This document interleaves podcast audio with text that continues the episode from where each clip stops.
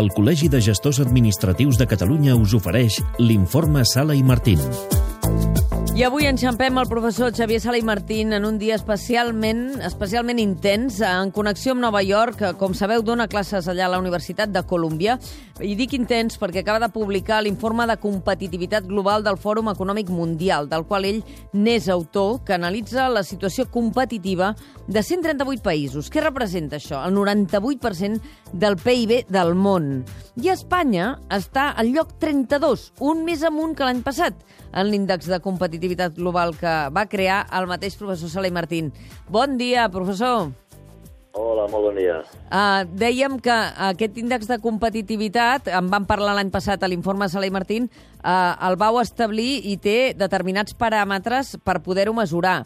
Uh, posem un exemple de per què Espanya ha pujat una posició enguany en relació a l'any passat. A veure, eh, si mirem els rànquings, és a dir, les posicions de, diguem, les posicions de cada país en relació als altres, Mm. eh, Espanya ha pujat, però no perquè Espanya ho faci bé, sinó perquè els països que tenia just a sobre han anat enrere. Uh, si tu mires la nota que treu Espanya, més o menys és la mateixa que l'any passat, per tant no hi ha hagut progrés. El que sí és que hi ha hagut una, un deteriorament generalitzat de, dels països que estan al voltant d'Espanya. Um, al voltant vol dir en el, que tenen més o menys la mateixa nota, Sí. i això es deu en gran mesura a que molts d'aquests països han, diguem, se'ls ha deteriorat la, la situació macroeconòmica Mm. i en particular se'ls ha aturat molt el, el, diguem, per culpa de la caiguda del sereu de les matèries primeres i sobretot el petroli. Clar, seria el cas, per exemple, d'Itàlia o de Rússia, però per sempre Espanya per sota de Txèquia, d'Islàndia, d'Irlàndia, de França, no? Um, el que ha baixat és Alemanya, no? Sí, a veure, el, el, que es veu, el que es veu és una, un, diguem, una divisió, una, una separació d'Europa en dos grups. Eh, hi ha un grup de les economies més competitives del món, de fet la primera economia del món és, és uh, europea, que és Suïssa, Uh, també hi ha uh, altres economies com uh, Alemanya, uh, Suècia, etc etc que també estan a dalt de tot, però després hi ha tota una sèrie d'economies uh, europees, que serien la perifèria, que no només es, que estan molt lluny de les primeres, sinó que a més estan deteriorant. I això crea molt de malestar entre les autoritats europees, perquè, clar, eh, eh, genera un tipus de tensions com, com el Brexit. No? El, el Mhm. Brexit és una, una, una tensió entre una economia que va més o menys bé, perquè, eh, diguem, atrau a tot de treballadors de les economies que no van més o menys bé, i eh, tots sabem que, diguem, el ser humà diguem, té elements de racisme, i, i això no acaba d'agradar, i de fet el Brexit va ser una cosa purament racista, no? De, de, de, de, bàsicament era una llei anti, era, era una decisió anti-immigració.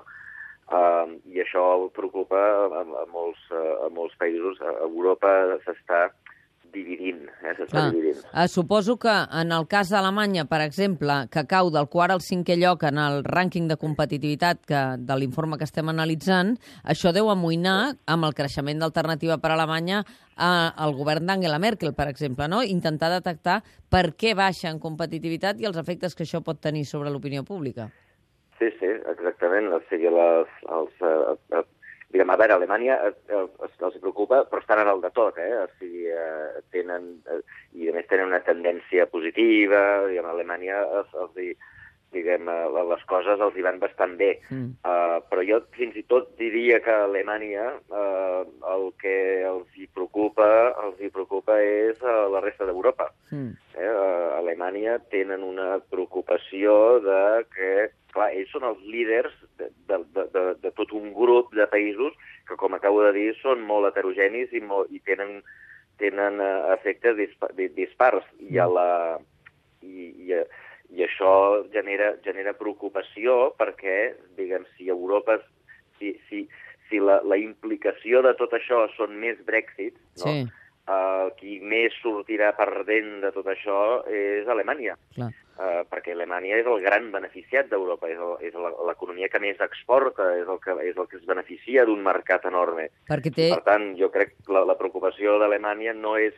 tant la seva posició, sinó la posició dels seus socis. Uh Mhm. -huh. Això crec que és el que més els preocupa. Professor Sala i Martín, abans dèiem Espanya està en la posició 32, l'any passat a la 33, però per la gent que no està familiaritzada amb l'índex de competitivitat que recull aquest informe eh, que vau crear, quin, en, quines, en quins aspectes suspèn o empitjora? Deies que no est- està en funció més dels països del context que no pas del mateix Espanya, no? Però en quines qüestions Espanya no és competitiva encara ara, no? Sí, a veure, Espanya té un gran problema, que no el descobreixo jo. A veure, el- l'índex de competitivitat mesura uh, 120 coses diferents agrupades, uh, que agrupem amb, amb, amb 12 pilars diferents. Eh? I els pilars van des de la situació institucional, que, que vol dir la corrupció, l'eficiència del govern, etc etc, les infraestructures, el, el, la situació macroeconòmica, és a dir, si el govern té molts dèficits o molts deutes, eh, o molta inflació, eh, l'educació primària, la salut, l'educació més avançada, l'eficiència dels mercats financers, la solidesa dels Sí. mercats financers, el, el mateix amb els mercats de béns i serveis, el mercat laboral, eh, i després hi ha temes de sofisticació empresarial, la Sí. innovació, la capacitat de crear coses noves. A veure, Espanya aquí té un problema greu que és el mercat laboral. Eh? No, no ho descobreixo jo, que la, la, la situació del mercat laboral espanyol és anòmala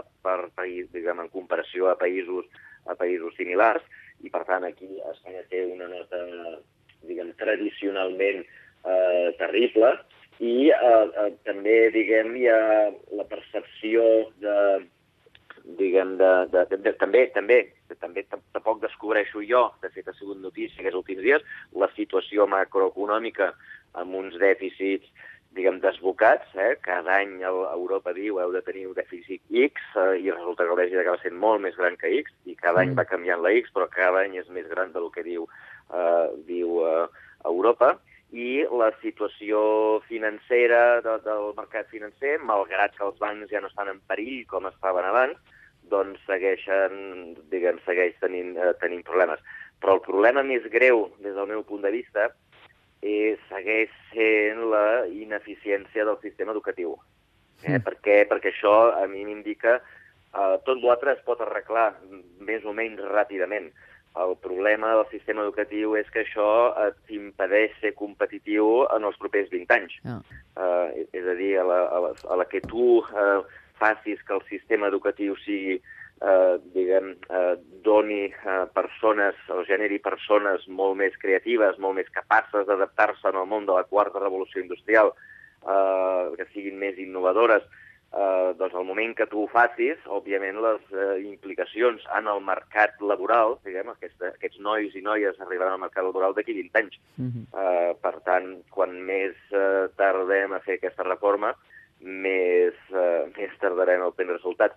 I Clar. per cert, Mm. uh, diguem, dic, dic, dic tardem perquè el, uh, diguem, a Catalunya hi ha tot un moviment uh, diguem, que, que s'anomena l'Escola del segle XXI, que ja està intentant a poc a poc, des de la base, eh, intenta, està intentant canviar la manera com estem educant els nens.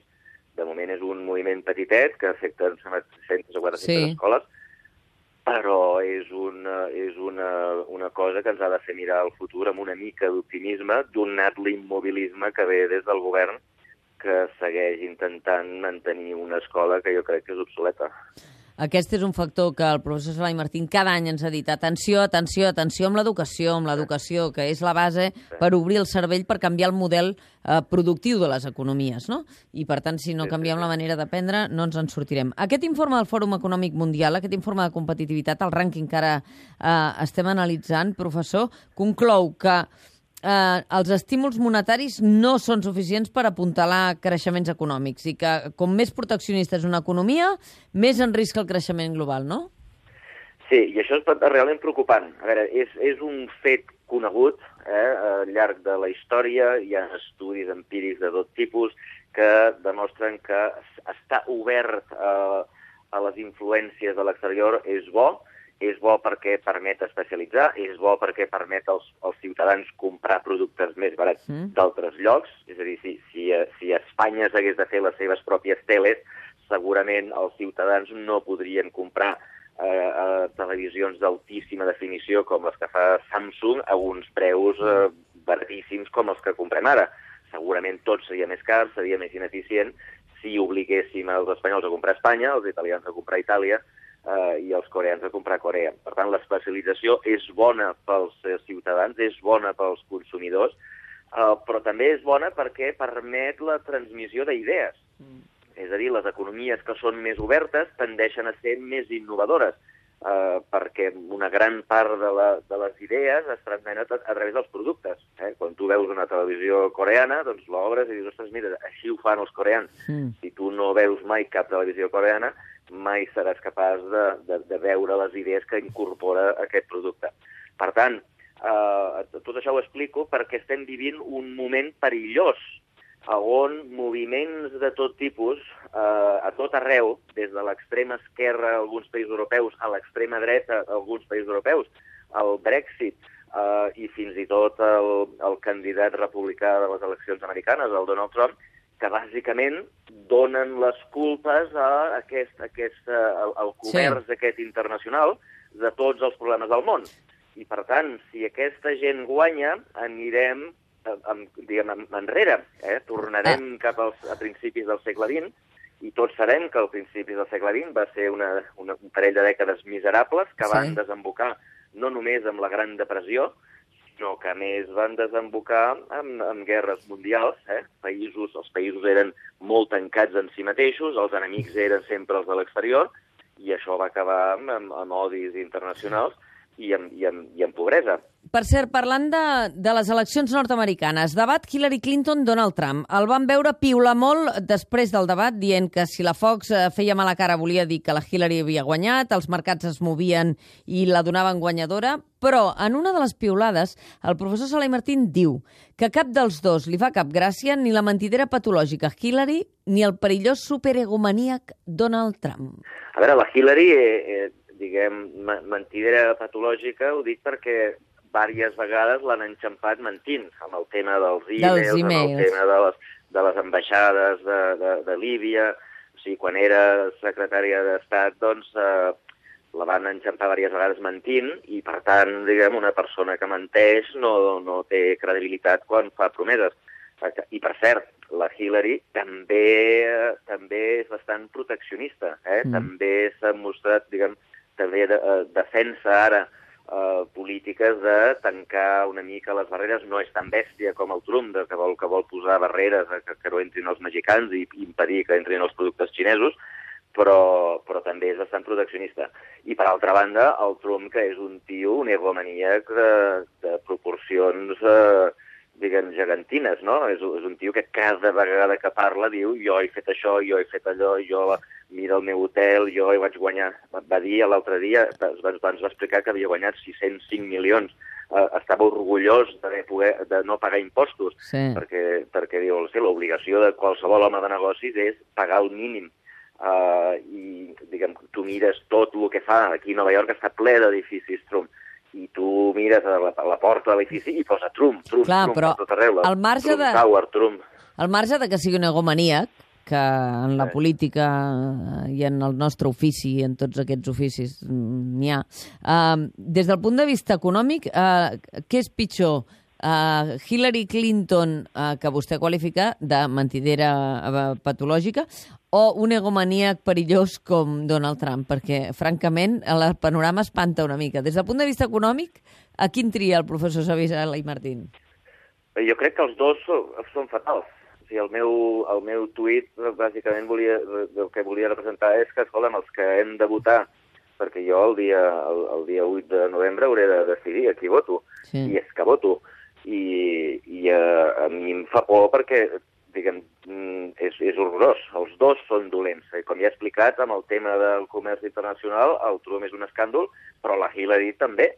La política de la Hillary és, uh, és, és, és, és bastant similar. Uh, uh, diguem, les dues són polítiques errònies per raons diferents. Sí. Eh? Per raons diferents amb el tema aquest del comerç estem bastant d'acord, però, per exemple, amb el tema del dèficit, el, el Trump diu que la millor manera de reduir el dèficit és baixar els impostos dels rics, perquè ell diu nosaltres els rics som els que creem llocs de treball, si em baixen els impostos a mi, que per cert ell ja va dir que, que pagava zero, per tant baixar els impostos tampoc té massa sentit, eh, doncs eh, això generaria tants llocs de treball que la recaptació pujaria, i la Hillary el que vol és pujar els impostos d'una manera extravagant per, eh, per diguem, per, per mantenir la despesa pública i, i augmentar enormement la despesa pública. Jo crec que cap d'aquestes dues coses acabarà funcionant. Per ah. tant, des del punt de vista de política econòmica, eh, no, no, no cap de les dues polítiques em convenç, cap. Però he, he intuït que votarà. Ha votat sempre a les eleccions americanes eh, quan ha viscut no. aquí? No, eh? No sempre. Mai, no he votat mai. No ha votat mai. Aquesta vegada no, per això s'ho està no, pensant. No votar, no, no, no sóc un... No, no, soc una, no, no voto gairebé mai en lloc, ni, ni a Catalunya ni, ni aquí. Professor Xavier Salai Martín, ha estat a Colòmbia, estan a punt de signar un acord de pau. L'altre dia parlàvem amb una persona que coneix bé Colòmbia, en Raül Zelig, i ens deia eh, que no espera que aquesta pau doni del tot els fruits que ens estan venent. Des del punt de vista econòmic, econòmic el fet de no tenir un estat dins d'un estat, que, és, que era el que era les FARC, pot beneficiar? A veure, això, la, la resposta, deixa'm que torni a fer referència al, al rànquing. informe, al rànquing, Mm. perquè eh, diguem, el, el rànquing el fem a base de, de, de barrejar dades reals amb dades d'enquestes. Eh, fem enquestes de desenes de milers d'empresaris de tot el món, i la última pregunta, els fem, preguntes molt concretes, no? Mm. Uh, per exemple, en el teu cas, en el teu sector, els nens que surten de l'escola serveixen, uh, et serveixen a tu com a treballadors o necessites educar-los, uh, reeducar-los d'alguna manera, bla, bla, bla. Llavors ells contesten, no? Però l'última pregunta, que no és concreta, l'última pregunta és oberta.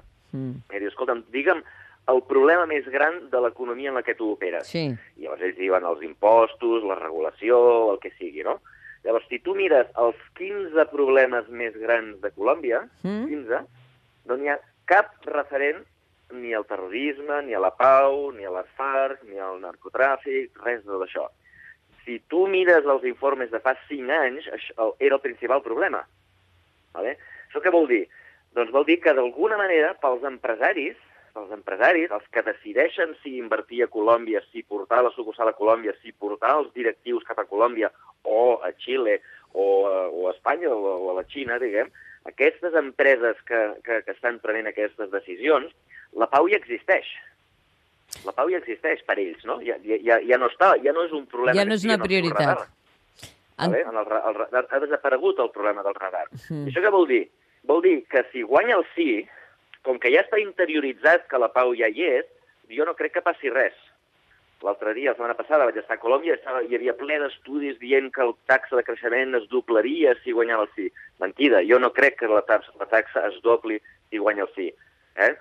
Seguirà, eh, Colòmbia seguirà sent un país, ara ja sí serà un país normal, com ha estat en els últims anys, perquè el, la, el terrorisme ja no és un problema.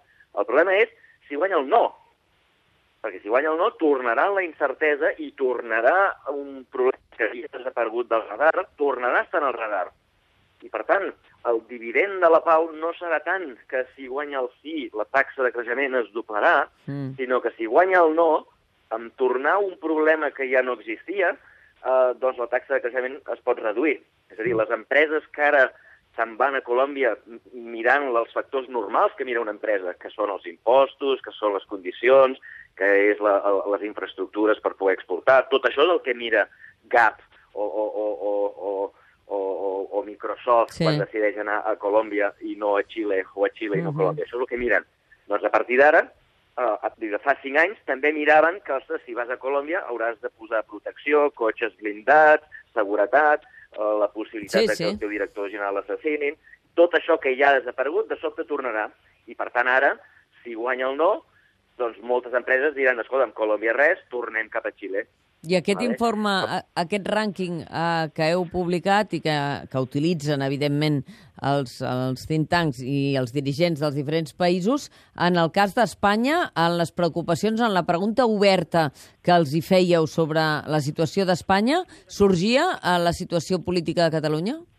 No, Tam- tampoc. tampoc. O sigui, a Espanya la pregunta principal, el, el problema principal era els impostos, Sí? els impostos eh, massa elevats. Segona, la ineficiència de la burocràcia, l'excessiva regulació, eh, la incapacitat d'innovar de les empreses, eh, la mala, la mala, diguem, la mala situació, la mala, la, la, el mal accés que tenen els bancs, és a dir, els bancs no presten calés, i la eh, corrupció.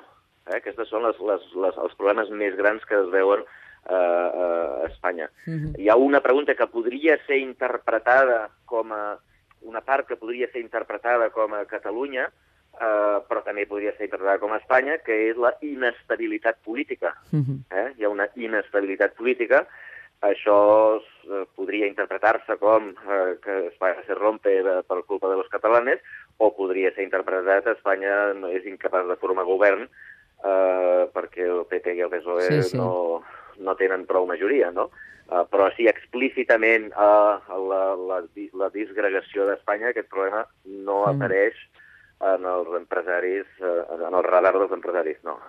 Molt bé, doncs, professor Salai Martín ha examinat una mica, eh, per tant, qui vulgui que vagi a fons amb el rànquing, perquè evidentment hi deu haver moltes coses apassionants per analitzar. Li agraïm molt aquesta connexió amb Nova York. Que tingui un bon dia. Bon dia a tots. Que vagi molt bé. A reveure.